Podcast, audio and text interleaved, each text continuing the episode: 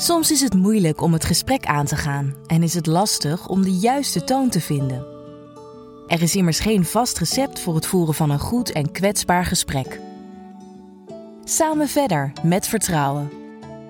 In deze podcast hoort u verhalen uit de praktijk waar onze gezondheid centraal staat. Voor je gezondheid ben je als patiënt en zorgverlener immers samen verantwoordelijk. Jong en oud, ervaren en onervaren, als professional en als mens. Leren van en met elkaar. Het kwetsbare gesprek over die gedeelde verantwoordelijkheid is vaak een uitdaging. En juist die open gesprekken delen wij met u. Vandaag, 11 februari 2022. De eerste podcast die we samen met een aantal mensen gaan maken voor SKGE. Ehm, niet alleen voor SKGE, maar juist voor iedere patiënt en iedere huisarts in Nederland waar dit verhaal vanuit het hart binnen zou kunnen, moeten en mogen komen. Aan tafel heb ik een drietal mensen zitten die ik graag dadelijk voorstel. En waar gaat dit nou eigenlijk over? Dit gaat over als nou ergens een keer iets fout gaat, dat beleving en feiten niets en wellicht ook alles met elkaar te maken hebben. Dat het wellicht eng is om het hierover te hebben. Maar ja, is dat eng alleen voor de patiënt of is dat eng ook voor de huisarts? En laten we samenvatten dat we aan de start staan van een heel mooi, intens en oprecht verhaal tussen twee mensen, patiënt en huisarts. En we nemen u graag mee en stel ik graag aan u voor, in eerste instantie aan Dini Kerkman, Willem Bijleveld en dan aan Jiske Prinsen. En Dini, dan kijk ik jou ook als eerste aan. Jouw naam heb ik al genoemd. Ja. Dini Kerkman. Dankjewel. Ik ben dus Dini Kerkman en ik ben al ruim 25 jaar patiënt bij Willem Bijleveld. En ik ben uh, al niet meer een van de jongsten, maar ik uh, vind het toch belangrijk om uh, hier mijn zegje over te doen. Willem. Ik ben Willem Bijleveld, al bijna haha, 35 jaar huisarts in Nijmegen. Reeds in de diepe herfst van mijn carrière, nog anderhalf jaar, en dan hang ik de stethoscoop aan de wilgen. En mijn naam is Jiske Prinsen en ik ben directeur SKHE. Mooi. We hebben het voorstelrondje gehad en dan kijk ik naar Dini, recht tegenover mij. Um, ik introduceerde ook met het woord eng. Ik introduceerde met de woorden beleving en feiten. Dat heeft alles en niets met elkaar te maken. Dat was ook de voorbereiding tussen ons uh, twee. Uh, neem ons eens even mee, Dini, vanuit je hart. Ja, vanuit mijn hart. Um, ja, we zitten hier natuurlijk om uh, een bepaalde reden, om uh, zeg maar de, um, het proces van een, het ontstaan van een klacht en de verdere procedure daaromheen met elkaar te bespreken. En helaas is mij dat overkomen. Um, maar ik moet wel zeggen dat, uh, nou ja, in ieder geval ben ik nu aan het eind van dat proces. En um, ja, wat net al gezegd werd, het is best wel eng om uh, uh, zeg maar zo'n procedure aan te gaan met je huisarts als er een klacht is. Um, want natuurlijk zit je toch in een soort van afhankelijkheidspositie. je moet na of je wilt graag na dat wat er gebeurd is, toch gewoon samen verder. En um, ja, dan is het wel best wel eng om dat te gaan doen. Um, maar je moet je uh, er toch niet van laten weerhouden. Het is belangrijk dat je, als je iets dwars zit, om dat gewoon te gaan bespreken. Want het kan niet anders dan dat dat ook van invloed blijft op de relatie met je huisarts. Ja, en um, los dat het misschien niet tot in detail ertoe doet, denk ik dat het voor de luisteraar wel heel belangrijk is, of in ieder geval een gevoel te krijgen. Uh, waar ging het over? Iets heel kleins, iets heel groots, iets wat letterlijk of figuurlijk uh, je aan je lijf raakte. Wil je daar iets over vertellen? Jazeker wil ik daar iets over vertellen. Um, ik kwam bij mijn huisarts met een, uh, eigenlijk een kleine klacht, een soort van vrat op mijn been. Um, nou, in eerste instantie leek het niet zo heel erg veel te betekenen. Uh, maar ik kreeg er wel last van omdat ik uh, steeds als ik uh, een broek aantrok of de lakens in bed over mijn been trok, dan ging dat zeer doen. En toen dacht ik van nou, dan moet ik er toch maar even wat aan laten doen. Um, toen heb ik een afspraak gemaakt om dat te laten verwijderen. Um, nou, ik kwam hier op een ochtend en Willem die ik had gevraagd om dat mijn eigen huisarts te laten doen. Want we zitten in de groepspraktijk, dus er was ook alle kans om dat een ander te laten doen. Maar ik vind dit soort dingen altijd belangrijk dat dat met je eigen huisarts gebeurt. Dus Willem die eh, kwam hem verwijderen. Um, nou ja, ik dacht toen hij binnenkwam van, uh, nou die is niet in zijn beste humeur vandaag. Um, maar goed, uh, hij haalde het, uh, de, de, het, het vratje weg van mijn been. Ondertussen had ik op mijn andere been op ongeveer dezelfde plaats ook zo'n vratje gekregen. Ook dat ging weg. Um, vervolgens uh, verzekerde mij Willem nog een keer van... Nou, dit is echt geen huiskanker, want dit manifesteert zich op een heel andere manier. Dus ik ben naar huis gegaan. Uh, mijn ene been uh, genas prima. Het andere been bleef toch een soort van nare bult zitten. Uh, ik kwam na een week uh, kwam ik voor controle. Uh, maar ja, toen was eigenlijk de ingreep nog niet zo lang geleden. Dus ik dacht, ja, kan ook wel een hematoom zijn of iets dergelijks. Dus, uh, maar we hadden afgesproken dat ik na een paar maanden toch nog een keer voor controle zou komen. Ja, en toen uh, uh, zag het er zo raar uit dat Willem mij doorstuurde naar de dermatologie. Nou, daar aangekomen was eigenlijk meteen de eerste conclusie van, nou, dat is een uh, plaveisselcelcarcinoom. Wat ik eigenlijk zelf heel lang nog ontkend heb. Dat ik dacht van, nou, het zal vast wel meevallen. Het zal nog aan de behandeling liggen die vooraf is gegaan. Uh, nou ja, tot dus uh, de uitslag van de patholoog uh, kwam. En ja, toen ben ik dus geopereerd. het was een vrij grote plek geworden. Daarvoor moest een transplantaat worden geplaatst. En um, ja, dat is het eind, uiteindelijk wel heel vervelend geworden, omdat het transplantaat niet aansloeg uh, verwijderd moest worden en dus de wond van binnenuit genezen moest. En dat betekende dat ik dus heel lang, een hele hete zomer, uh, met een ingezwachteld been uh, heb gezeten. Ehm, nou ja, dat is eigenlijk wat er gebeurt. Dus uiteindelijk is de wond prima genezen. En, dus ik heb er verder ook geen restverschijnselen meer van. Ja. En als ik je dit hoor vertellen, dan snap ik nu, en ik denk de luisteraars ook, waar dan het stukje eng vandaan komt. Want dan ga je zo'n project, zo'n traject ga je door.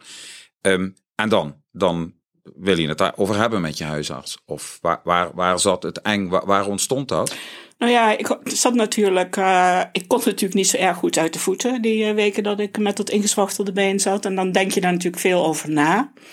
Um, uiteindelijk dacht ik natuurlijk wel van ja, daar moet ik het wel met mijn huisarts over hebben. Want uh, het was toch iets heel anders dan we verwachten toen ik uh, doorgestuurd werd. Um, maar ik was me wel, uh, ik, dacht wel, ik moet niet nu op stel een sprong gaan doen. Want ik heb nog mijn eigen emoties over het feit, nou ja, dat die operatie toch niet helemaal goed gelukt is. Um, ik wil dat gewoon toch een beetje met een uh, proberen met een open blik aan te gaan, omdat ik wel mijn eigen verhaal ken natuurlijk, maar niet het verhaal van mijn huisarts. Dus ik heb voor mijzelf uh, keurig aantekeningen gemaakt van uh, ik wil dat gesprek met jou aangaan en welke punten ik dan met hem zou willen bespreken. Um, en het, het grappige was dat ik voor een ander behandelingetje hier kwam en toen Willem toevallig ontmoette, en hij het initiatief nam om te zeggen van wij moeten een afspraak maken, want we hebben nog iets te bespreken. Waarop ik tegen hem zei, nou, ik heb net gisteren via jouw assistent een afspraak gemaakt om dat te bespreken. Nou, en zo zijn wij in gesprek geraakt. Dan maak je eigenlijk een heel mooi natuurlijk bruggetje naar de persoon aan mijn rechterzijde, Willem. Um, uh, een eerste reactie. Je hoort dit verhaal, je kijkt zelf terug. Uh, wat deed het met je en hoe heb je zaken ervaren? Um, nou, ten eerste is zoals Dini het schetst, is het uh, gegaan. Dat is helder. Um, nog even, dat is misschien nog voor de huisartsen die luisteren. Uh, mijn overweging was toen Dini kwam dat het zou gaan om een keratoacantoom. Dat is voor de, voor de patiënten niet zo interessant, maar um, keratoacantoom en plaveisselcelcarcinoom lijken heel erg op elkaar en uh, kan je heel makkelijk verwarren. En zijn ook in het uh, traject daarna, als de patholoog-anatoom dat na gaat kijken, die kunnen dat heel moeilijk van elkaar onderscheiden. Dat is een beetje technisch. Dat betekent dat toen ik hoorde dat het een plaveisselcelcarcinoom was, toen geloofde ik dat in eerste instantie eerlijk gezegd niet. En ben ik met de dermatologie gaan bellen van, dat, is dat niet een keratoacantoom? Nou, om een lang verhaal kort te maken, daar kwam de onderste steen niet goed in boven. Los daarvan had ik het feitelijk anders aan moeten pakken. Ik had meteen door moeten laten door, die niet door moeten sturen om dit aan de dermatoloog over te laten van is het nou A of is het nou B? Nou, de beleving daarvan van mijn kant, uh, uh, toen ik dan maak je dus gewoon s'morgens, kom je met goede zin op je praktijk, maak je de post open en dan lees je opeens plaveisselcelcarcinoom. Dat, dat zijn hele vervelende dingen, om het maar zacht te zeggen. Dan denk je, shit, godversukkel, had je dit en dat, weet je Je gaat jezelf meteen met de zweep te lijf. En uh, uh, dus meteen met die dermatoloog proberen je uh, ook, eh, ja ik zeg het maar eerlijk, toch een beetje je gelijk te halen. En dat is denk ik iets wat ik, waar ik Dini in de steek heb gelaten, is dat ik niet meteen al contact met jou heb opgenomen van, nou dit en dit is gebeurd, ik ga dat uitzoeken, maar ik kom daar zeker bij je op terug. Je vertelde mij nu net zelf in de voorbespreking dat ik wel één keer heb gebeld, maar toen nam je niet op. En daarna heb ik het daarbij gelaten. Dat, dat is ook niet echt zoals het hoort. Dus in dat eerste stuk is denk ik, het leermoment voor mij is dat ik dus in een soort vechtmodus ben beland. In plaats van dat ik oog heb gehad. Ik had meer oog voor mezelf dan oog voor Dini, vrees ik. En jullie hebben uiteindelijk, ik kijk jullie nou samen even aan, dat gesprek. Jij kwam hier voor wat anders. Willem uh, zegt van, goh, we hebben nog een afspraak met elkaar te maken. En dan? En dan, dan ga je hier naartoe. En dan is dat eng of niet eng. En, want jullie kennen elkaar al twintig jaar. Dus er ligt echt wel een stevige relatie. En dan is dat lastig. Ja, dat is heel lastig. Ik vond het tenminste heel erg lastig. Um, maar ja, ik heb het toch gedaan. En dat vond ik eigenlijk best wel stoer van mezelf. um, uh, en uh, wat ik gedaan heb uh, bij dat gesprek, ik had natuurlijk, wat ik net al zei, aantekeningen gemaakt van de dingen die ik zelf wilde bespreken. Um, maar ik ben begonnen met, ehm, Willem, vertel jij jouw verhaal eens. Van, um, hoe, hoe zie jij het? Hoe is in jouw beleving gebeurd? nou, toen hij dat verhaal ging vertellen, toen kwam daar onder andere al dat verschil wat hij net noemde tussen die twee soorten aandoeningen heel moeilijk uh, te onderscheiden is. Um, dat was voor mij nieuwe informatie. Hetzelfde als dat hij contact had gezocht met de dermatoloog. Wist ik ook niet.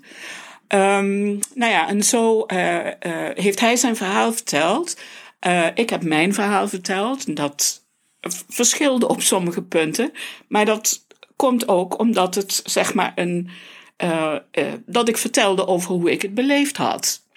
En uh, dat dat niet helemaal overeenkwam met de feiten, ja, dat is dan zo. Uh, maar ja, die feiten die hoorde ik eigenlijk ook pas op dat moment in het gesprek. Um, ja, en eigenlijk moet ik zeggen, ja, we, ik heb me heel uh, open gevoeld in dat gesprek. Uh, ik had ook het idee dat Willem goed luisterde naar wat ik te zeggen had. En ik had mezelf voorgenomen dat ik niet in de aanvallende modus dat gesprek zou gaan voeren. Als een soort van amateur tuchtrechter. Uh, wat ik van hem ook merkte was dat hij niet meteen zei van ja, sorry, maar zo en zo is het. En mijn waarheid is de waarheid. dus dat, ik, ik vond zeg maar de sfeer van het gesprek heel open. En nou ja, dat moedigde mij ook aan om gewoon alle dingen te zeggen. Want tegen iemand zeggen dat je hem ongelooflijk zagrijnig vond die ochtend. Ja, ik bedoel, heeft eigenlijk niks te maken met de kwaal. Maar ja, het is wel iets wat, je, wat in je beleving een hele grote rol speelt. En Willem, hoe heb jij dat gesprek ervaren? Um, ik heb dat als een, als een ja, ja, prettig gesprek klinkt. Het, is, het, is natuurlijk, het heeft een heel stuk wat niet prettig is. Want je moet tegenover ja, je, je, je, moet, je gaat van je voetstuk af, om het zo maar te zeggen. Waar een heleboel mensen je continu ophijzen. Hè, dat, is, dat is als je als huisarts bent. Een heleboel dingen gaan goed. Mensen zijn je dankbaar. En daar ga je aan wennen dat je daar woont. Uh, uh, op die plek waar iedereen blij met je is. En als je dan een keer daarvan af wordt getrokken. Van die sokkel. Ja, dan is het opeens daar beneden is een heel ander verhaal. Want dan kom je op een soort, eh, een ander soort dynamiek terecht. Dus dat, dat is niet leuk. Maar wat ik geleerd heb, is dat het, dat vind ik ook fijn dat je dat zegt hier niet van, dat je het een open gesprek vond. Ik vind het ook uh, uh, een opluchting voor mezelf om te kunnen zeggen, ik heb het niet goed gedaan. Ik heb wel mijn best gedaan, maar ik heb het gewoon achteraf gezien niet goed gedaan. En dat, brengt je in de wereld van de stervelingen weer. Waar je natuurlijk ook gewoon hoort, maar wat je soms een tikkie dreigt te vergeten als je arts bent. Uh, dat, je, dat je gewoon ook maar een mens bent, dat je ook fouten maakt. Dus dat, dat vind ik een belangrijk punt. Wat ik ook heel belangrijk vond, wat je zei, is dat zagrijnig stuk. Want dat heb je ook later, maar ook in, in, in de voorbespreking nu weer genoemd. Dat kan ik me dus niet herinneren ik neem zo aan dat het zo was. Want ik ben natuurlijk soms ook zagrijnig. Maar wat het voor mij dus uh, uh, terugkijkend belangrijk maakt. Wat de impact daarvan is. Het dus een, ja, een leermoment. Dat je een zagrijnige indruk maakt. En dat dat een patiënt, dus die niet in dit geval, heel onzeker maakt dan ben je niet meer, dan vertrouw je het niet meer. Van wat, wat, waarom is die onzeker? Ja, ik praat nu voor jou, dat zal ik niet doen. Maar dat, de impact daarvan heb ik heel erg onderschat. Ja, maar dat is ook wat jij nou straks vroeg van. Het was eng. Ja, het was eng. En dat werd mede veroorzaakt, zeg maar. Door, Door dat moment. Door dat moment Ja, dat ik dacht ja. van. eh, ja, hallo. Hè? Kan ik daar, en, en ik had me ook voorgenomen om, om dat niet te zeggen. Want ik vond dat hij zagrijnig was. Maar doordat het gesprek zo liep zoals het liep, heb ik dat uiteindelijk wel gezegd. Ja. En ik denk dat dat ook heel goed is, want dat trok natuurlijk best een stuk van de angel uit het, eh, uit het eh, hele verhaal. Nou, dan maak ik nu op een voor mij gevoel in ieder geval een heel natuurlijk moment eh, het bruggetje naar de, de persoon aan mijn linkerzijde, Jiske. Ehm, eh, bij jullie organisatie, schets dat dadelijk zelf even heel kort. Daar zijn jullie dagdagelijks bezig met mensen, patiënten en artsen waar ergens iets is, een klacht. Kader dat eens even. En herken je wat beide mensen hier eh, met ons delen? Ja, ja nou, ik, ik vind het super mooi. Ik vind het ook heel mooi dat jullie daar alle twee zo open eh, over eh, spreken hier. Ehm, en wat wij eh, doen is eh, eh, de klachtenfunctionaris die bij onze organisatie eh, eh, zitten, die, eh, die proberen als onpartijdige en onafhankelijk partij tussen een patiënt en huisartsen eigenlijk op eenzelfde manier de patiënt en huisartsen in, eh, in gesprek te laten komen. Ehm, en dat werkt natuurlijk het beste wanneer vanaf beide kanten die open en transparante houding eh, er is. Ehm, ja, geweldig. Eh, Jullie hebben dit overigens zonder klachtenfunctionaris dus samen gedaan. En dat is eigenlijk gewoon ehm, ja, gedroomd. Fantastisch om dat met elkaar ehm, eh, zo te doen. En eh, zo tot een, eh, nou, ik wil bijna zeggen, goed, einde, te brengen, ja. als ik dat mag zeggen. Ja, wat mij betreft wel, ja. Ja. En dan Ja. is het eigenlijk ook, dan vul ik hem nu even in. We maken deze podcast, laten we hem even zo lekker noemen, dus ook gewoon helemaal niet voor niks. Want we willen juist dat dit soort verhalen, Ja. waar dat echt tussen patiënt en arts lukt en wat daarvoor nodig is, daar teken jij voor in om dat de wereld rond te brengen, Ja. spreekwoordelijk. eh, Ja. eh, Ja. Mag ik dat goed samenvatten? Ja, dat is manier? perfect samengevat. Ja, dat is, dat is de insteek en de bedoeling. Hè, dat eh, met deze input en deze informatie eh, eh, iedereen daarvan kan leren. Ja. Zowel de huisarts of welke zorgverlener dan ook en patiënten. Heel belangrijk. Hoe, Dini, ehm, eh, dus dan gebeurt zoiets, hè? Ehm, En dan ehm, ga je zo'n traject in en dan gaan er dingen mis en dan blijkt er een verkeerde constatering. Ik maak dat nou even, ik doe dat even heel kort Ja, door de bocht. En dan, ehm, eh, je bent hier nog steeds huisarts, of je bent nog steeds patiënt bij deze huisarts. Ehm, je had al twintig jaar, heb je vertrouwen in, eh, in, je, in je huisarts, je gezondheid. Daar ben je samen voor verantwoordelijk. Daar teken je samen voor in. Ik vond het een heel mooi iets in de voorbereiding van dit gesprek, zoals je dat uh, duidde. Um, want van huisarts wissel je niet zomaar. Hè? Daar loop je niet zomaar even van weg. Hè? Dus het herstel van vertrouwen, dat, daar ging het jou ook om, hè? Ja, zeker weten. Uh, kijk, als je zo lang uh, bij iemand patiënt bent, ik hoor net dat je er over anderhalf jaar mee ophoudt. Nou, dat is weer, dat is dat is weer minder leuk. Dat moet je dan zomaar in een podcast ja, horen. Precies, ja, dat hoor ik dan nu. um, ja, ik vond het wel belangrijk om dat vertrouwen te herstellen. Want uh, kijk, de huisarts is natuurlijk toch je eerste uh, punt waar je naartoe uh, gaat. En ook als je bij andere zorgverleners komt, toch altijd terugverwezen wordt naar je huisarts. Is het belangrijk dat je die, dat, die, dat je die lijn open houdt. En uh, ja, als je er altijd met een knoop in je maag naartoe moet, omdat je weet dat er nog onderhuids uh, dingen zitten, of bij jou of bij de huisarts, ja, dat lijkt me niet echt gezond. Uh, dus ja, ik, ik, uh, ik vond het moeilijk, moet ik zeggen. Ik heb dus ook wel een tijdje gewacht. Um, om, uh, om, omdat ik dacht van, nou, ik ga toch eventjes uh, wat rustiger aan dat gesprek in. Maar ik zou tegen iedereen zeggen, doe het, want het lucht enorm op. Het neemt een stuk onzekerheid weg. Um, want ja, als je midden in de nacht je dokter moet bellen, uh, weet je, dan durf je dat nu ook wel weer. Ja. En anders dan is het toch altijd iets van, uh, nou, ik wacht nog maar even. Nou ja, dat zijn natuurlijk niet de beste uh, dingen die je kunt doen. Dus um, het is eng. maar ik zeg, ga het gewoon doen. En als je het niet in je eentje durft, doe het dan met je zus of met je collega. Ga naar je huisarts, zeg van wat je op, het, op je hart hebt. En ja, de hoop is dan dat de huisarts zich daarvoor openstelt. En dat hij dat gesprek met je echt open gaat voeren. En nou, ik heb dat geluk dan wel gehad. Um, dus ja, ik zou zeggen, probe proberen moet je het altijd. Want ik denk ook dat als je het niet op die manier probeert. En dan zeg maar in een tuchtrechtelijke sfeer terechtkomt. Of al dat soort dingen.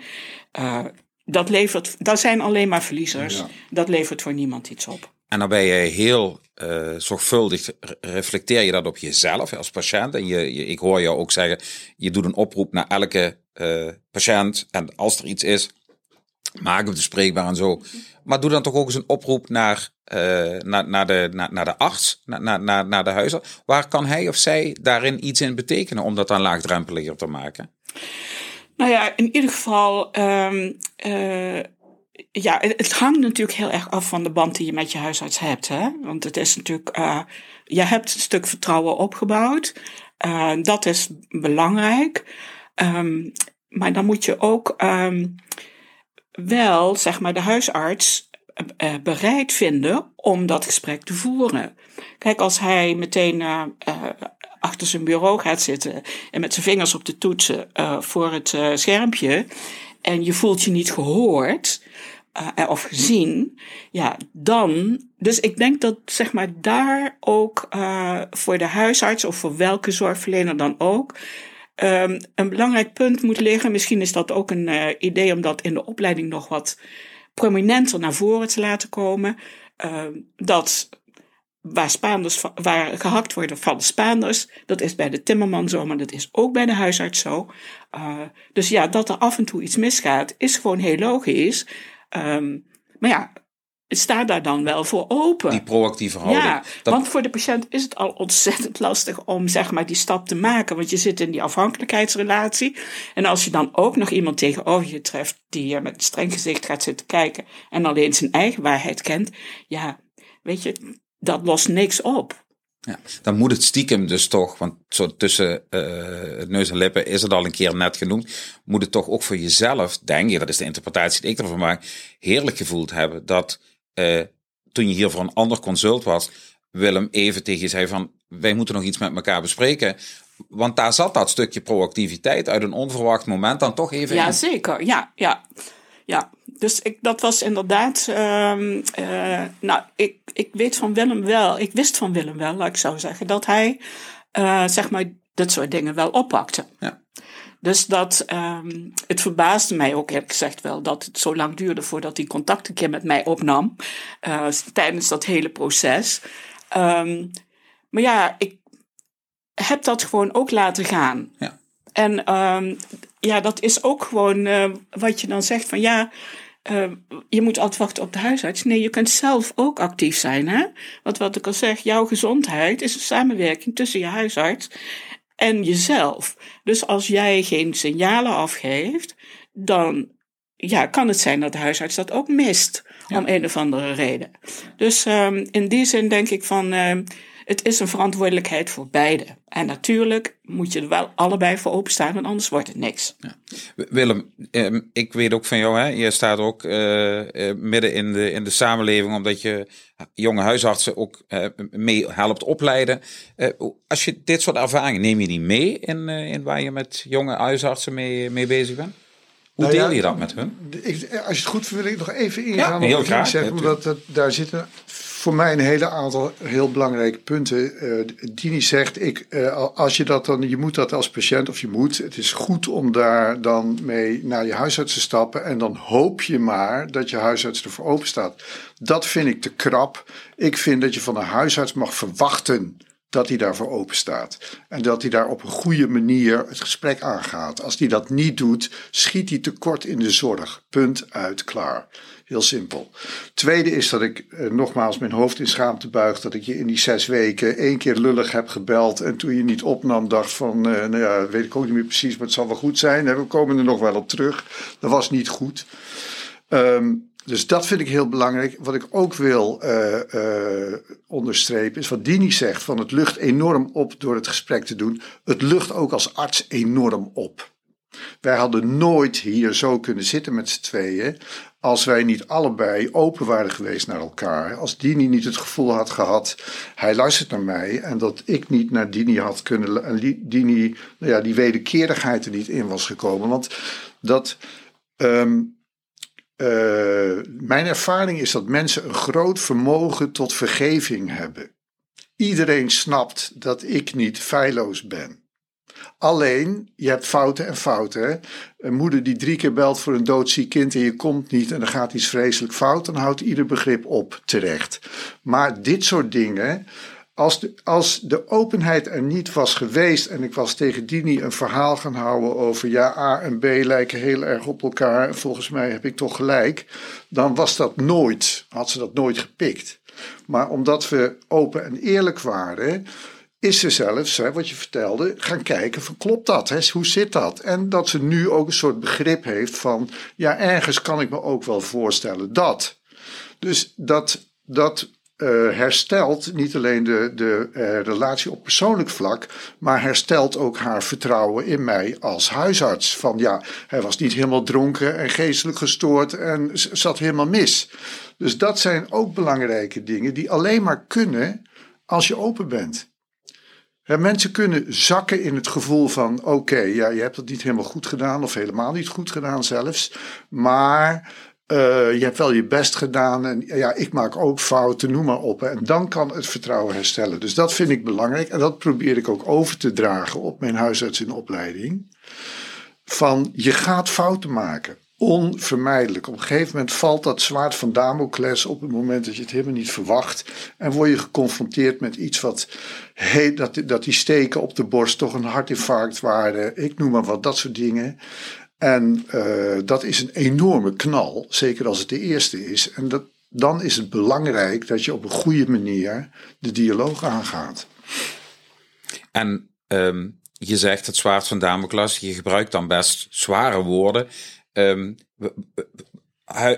als je echt nog in de studie, uh, in de schoolbanken zit als arts en opleiding, heb je daar beeld bij? Of dat, of dat onderwerpen zijn die daar uitvoerig besproken worden? Dat weet ik niet. Ik weet wel dat het, zeg maar, de groep waar ik dan vooral mee werk, zijn huisarts in opleiding. En daar leeft het enorm. Daar is de angst voor fouten, en met name natuurlijk de angst voor ernstige fouten. Ik zeg wel eens: kijk, als je als uh, timmerman een deur scheef afhangt, is dat vervelend. En dan kan je mopperende klant en dan ga je terug en dan hang je hem recht. Dat genoegen is ons niet altijd gegund. Je kan een fout maken, te goede trouw, met heel erg je best gedaan, maar je hebt iets niet goed ingeschat. Ook omdat je jong en onervaren bent en er gaat iets vreselijks mis. Daar is iedere huisarts in opleiding, als het goed is, bang voor. Als ze er niet bang voor zijn, zijn ze een gevaar op de weg. Zo kom je zomaar van de huisarts op de weg. Hè? Zullen, we, zullen, we, zullen we zomaar... Overreden door de huisarts. Dini, um, uh, zoiets gebeurt, en wat ik al zeg, hè, dan, dan heb je, daar zit er ook een omgeving om jou heen, die dan daar wat van vindt. En uiteindelijk dan het verhaal wat jullie nou samen geschetst hebben, daar kom je doorheen achteraf, uh, mensen die, die in het begin daar jou iets over gezegd en gevonden hebben, heb je dat verhaal ook zo weer teruggebracht? Hoe reageert jouw omgeving daar? Ja, natuurlijk heb ik dat teruggebracht. Want ik was natuurlijk in het begin best wel boos. Ja. En ook dat ik dacht van, nou zeg, um, daar moeten we nog eens een hartig woordje over spreken. Heb ik ook tegen menigeen gezegd. Maar ja, om dat te gaan doen, vond ik dat best wel eng. Dus daar heb ik best wel lang mee gewacht. Um, maar ja, toen we dat gesprek gevoerd hadden, uh, hebben we uh, aan het einde van het gesprek wel samen gekeken of alle vragen beantwoord waren, hè, of alle facetten aan de orde waren geweest. En of dat voldoende basis was om gewoon verder weer eh, samen weer verder te gaan. Dus dat is ook heel belangrijk om dat, om dat nog even te zeggen. Zeg maar dat niet is het gesprek en dan. Uh, het echt vastpakken. Ja, dus. dat je gewoon echt zegt van nou, nu kan ik het ook achter me laten. Uh, nou ja, uiteraard had ik natuurlijk ook iedereen verteld dat ik dat gesprek ging voeren. Want daar had ik natuurlijk ook een beetje support voor nodig. Um, natuurlijk heb ik dat toen achteraf ook aan iedereen uh, uh, gezegd dat ik het gedaan heb. En dat ik eigenlijk heel tevreden was uh, met de uitkomst daarvan. En um, nou ja, dat mij dat ook een, een stuk van opluchting gaf aan het einde. En dus ja, dus ik heb ook tegen iedereen gezegd van, uh, joh, doe het nou gewoon als je iets dwars zit. Met andere, op andere vlakken doe je het wel. Waarom doe je het je, met je huisarts dan niet? Um, dus dat is, uh, uh, ja, dat, dat heb ik echt wel met iedereen ook die ik van tevoren had uh, uh, belaagd met mijn klachten. heb ik ook wel weer, zeg maar, dat verhaal verteld van hoe het uiteindelijk is afgelopen. En dan ben ik eigenlijk heel nieuwsgierig naar hoe reageren, want dat zijn vrienden en bekenden of familie, hoe reageren mensen dan op? Dus zeggen dan mensen van, nou, Nini, dat is wel heel eng wat jij gedaan hebt, dat zie ik mezelf niet doen. Of, of ja, reageren dat, mensen daar? Dat zei ze van tevoren allemaal al. Dat ze zeiden van, uh, nou zeg, ja, dat jij dat durft. En, uh, want ja, je weet het maar niet, hè. Je huisarts die, uh, ja, dat is toch de dokter. Um, en, uh, dus, en ja, naar de hand, um, ja, ik denk, ze verwachten het natuurlijk ook wel een beetje van me, want ze kennen me natuurlijk wel een beetje. En, um, uh, nou ja, na de hand was er eigenlijk niet zo heel erg veel reactie. Want ze, nou ja, ze had het weer even gedaan. Dus en dan gaan we over tot de orde van de dag. En daar zit toch stiekem ook wel een beetje het gevaar in. Hè? Daar zit het Want probleem. van de honderd patiënten, duizenden patiënten die er zijn, uh, er is dus wel wat proactiviteit, zoals die proactieve onderzoeksplicht van die huisarts nodig is, om van als er iets aan de hand is, zo is er ook iets nodig van ons, gewoon de patiënt, bij, bij ja, de arts. Zeker, want zoals net al zei, van jouw gezondheid is de samenwerking tussen je huisarts en jezelf. En dat betekent ook dat je zelf ook inzet moet tonen. En dat is in het geval van uh, klachten. Uh, dus je moet ook wel. Uh, maar ja, ik, ik, wat ik zeg, ik heb het gedaan. Ik vond het heel moeilijk. Ik ben er achteraf heel erg opgelucht over dat ik het gedaan heb. Maar ik zou wel willen dat, zeg maar, er toch een beetje meer aandacht komt ook voor dit stuk van de klacht. Want wat we natuurlijk zien in het nieuws en in de krant zijn altijd uh, de ernstige dingen die er gebeuren. En uh, mensen die voor de tuchtrechten komen. Uh, maar gewoon het gesprek van mens tot mens met je eigen huisarts. Ja, dat, daar hoor je eigenlijk nooit iets over. Um, dus ik zou er wel voor pleiten, want ik neem aan, ja, huisartsen die worden opgeleid in alles. Um, een beetje ook in de behandeling van klachten. Um, maar wij patiënten, wij weten eigenlijk niet hoe we dat moeten doen. Dus ja, tegenwoordig heeft iedere ziekte heeft zijn eigen patiëntenvereniging. En misschien dat zeg maar, in dat verband er eens initiatieven zouden kunnen komen over hoe doe je dat nou? Uh, uh, kun, je, kun je dat oefenen met iemand? Hoe ga ik ondersteuning zoeken bij zo'n gesprek zonder dat ik direct een advocaat meeneem naar dat gesprek? Um, dus ja, ook wij moeten dat oefenen. En er kan eigenlijk pas sprake zijn van een gelijkwaardig gesprek als je, als je er zo in staat en als je daar ook voldoende uh, op voorbereidt. Dat je weet, als je naar de supermarkt gaat, dan maak je een boodschappenlijstje. Dus hoe simpel is het als je naar de dokter gaat en je hebt een klacht, dat je dat even opschrijft voor jezelf.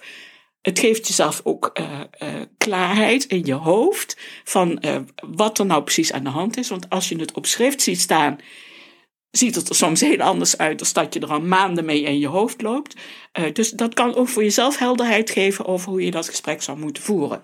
Maar wat, wat, waar ik echt een pleidooi voor zou willen houden, is dat we op een of andere manier, en ik weet zelf nog niet zo goed hoe, zeg maar de patiënt ook wat beter opleiden in het gesprek met de dokter. En dat geldt, we zien het steeds meer, zeg maar, in, het, in de zorg als het gaat over behandeling. Hè, dat we de patiënt centraal stellen en dat we dan samen, de dokter en de patiënt samen, kijken welke behandelingen zijn er en welke uh, zijn er voor jou goed en welke minder goed. En dat je er dan samen een keuze in maakt. Zou het ook goed zijn om eens te kijken, als er dit soort dingen zich voordoen, hoe kunnen we daar dan met z'n allen uh, uh, een goed einde aan breien?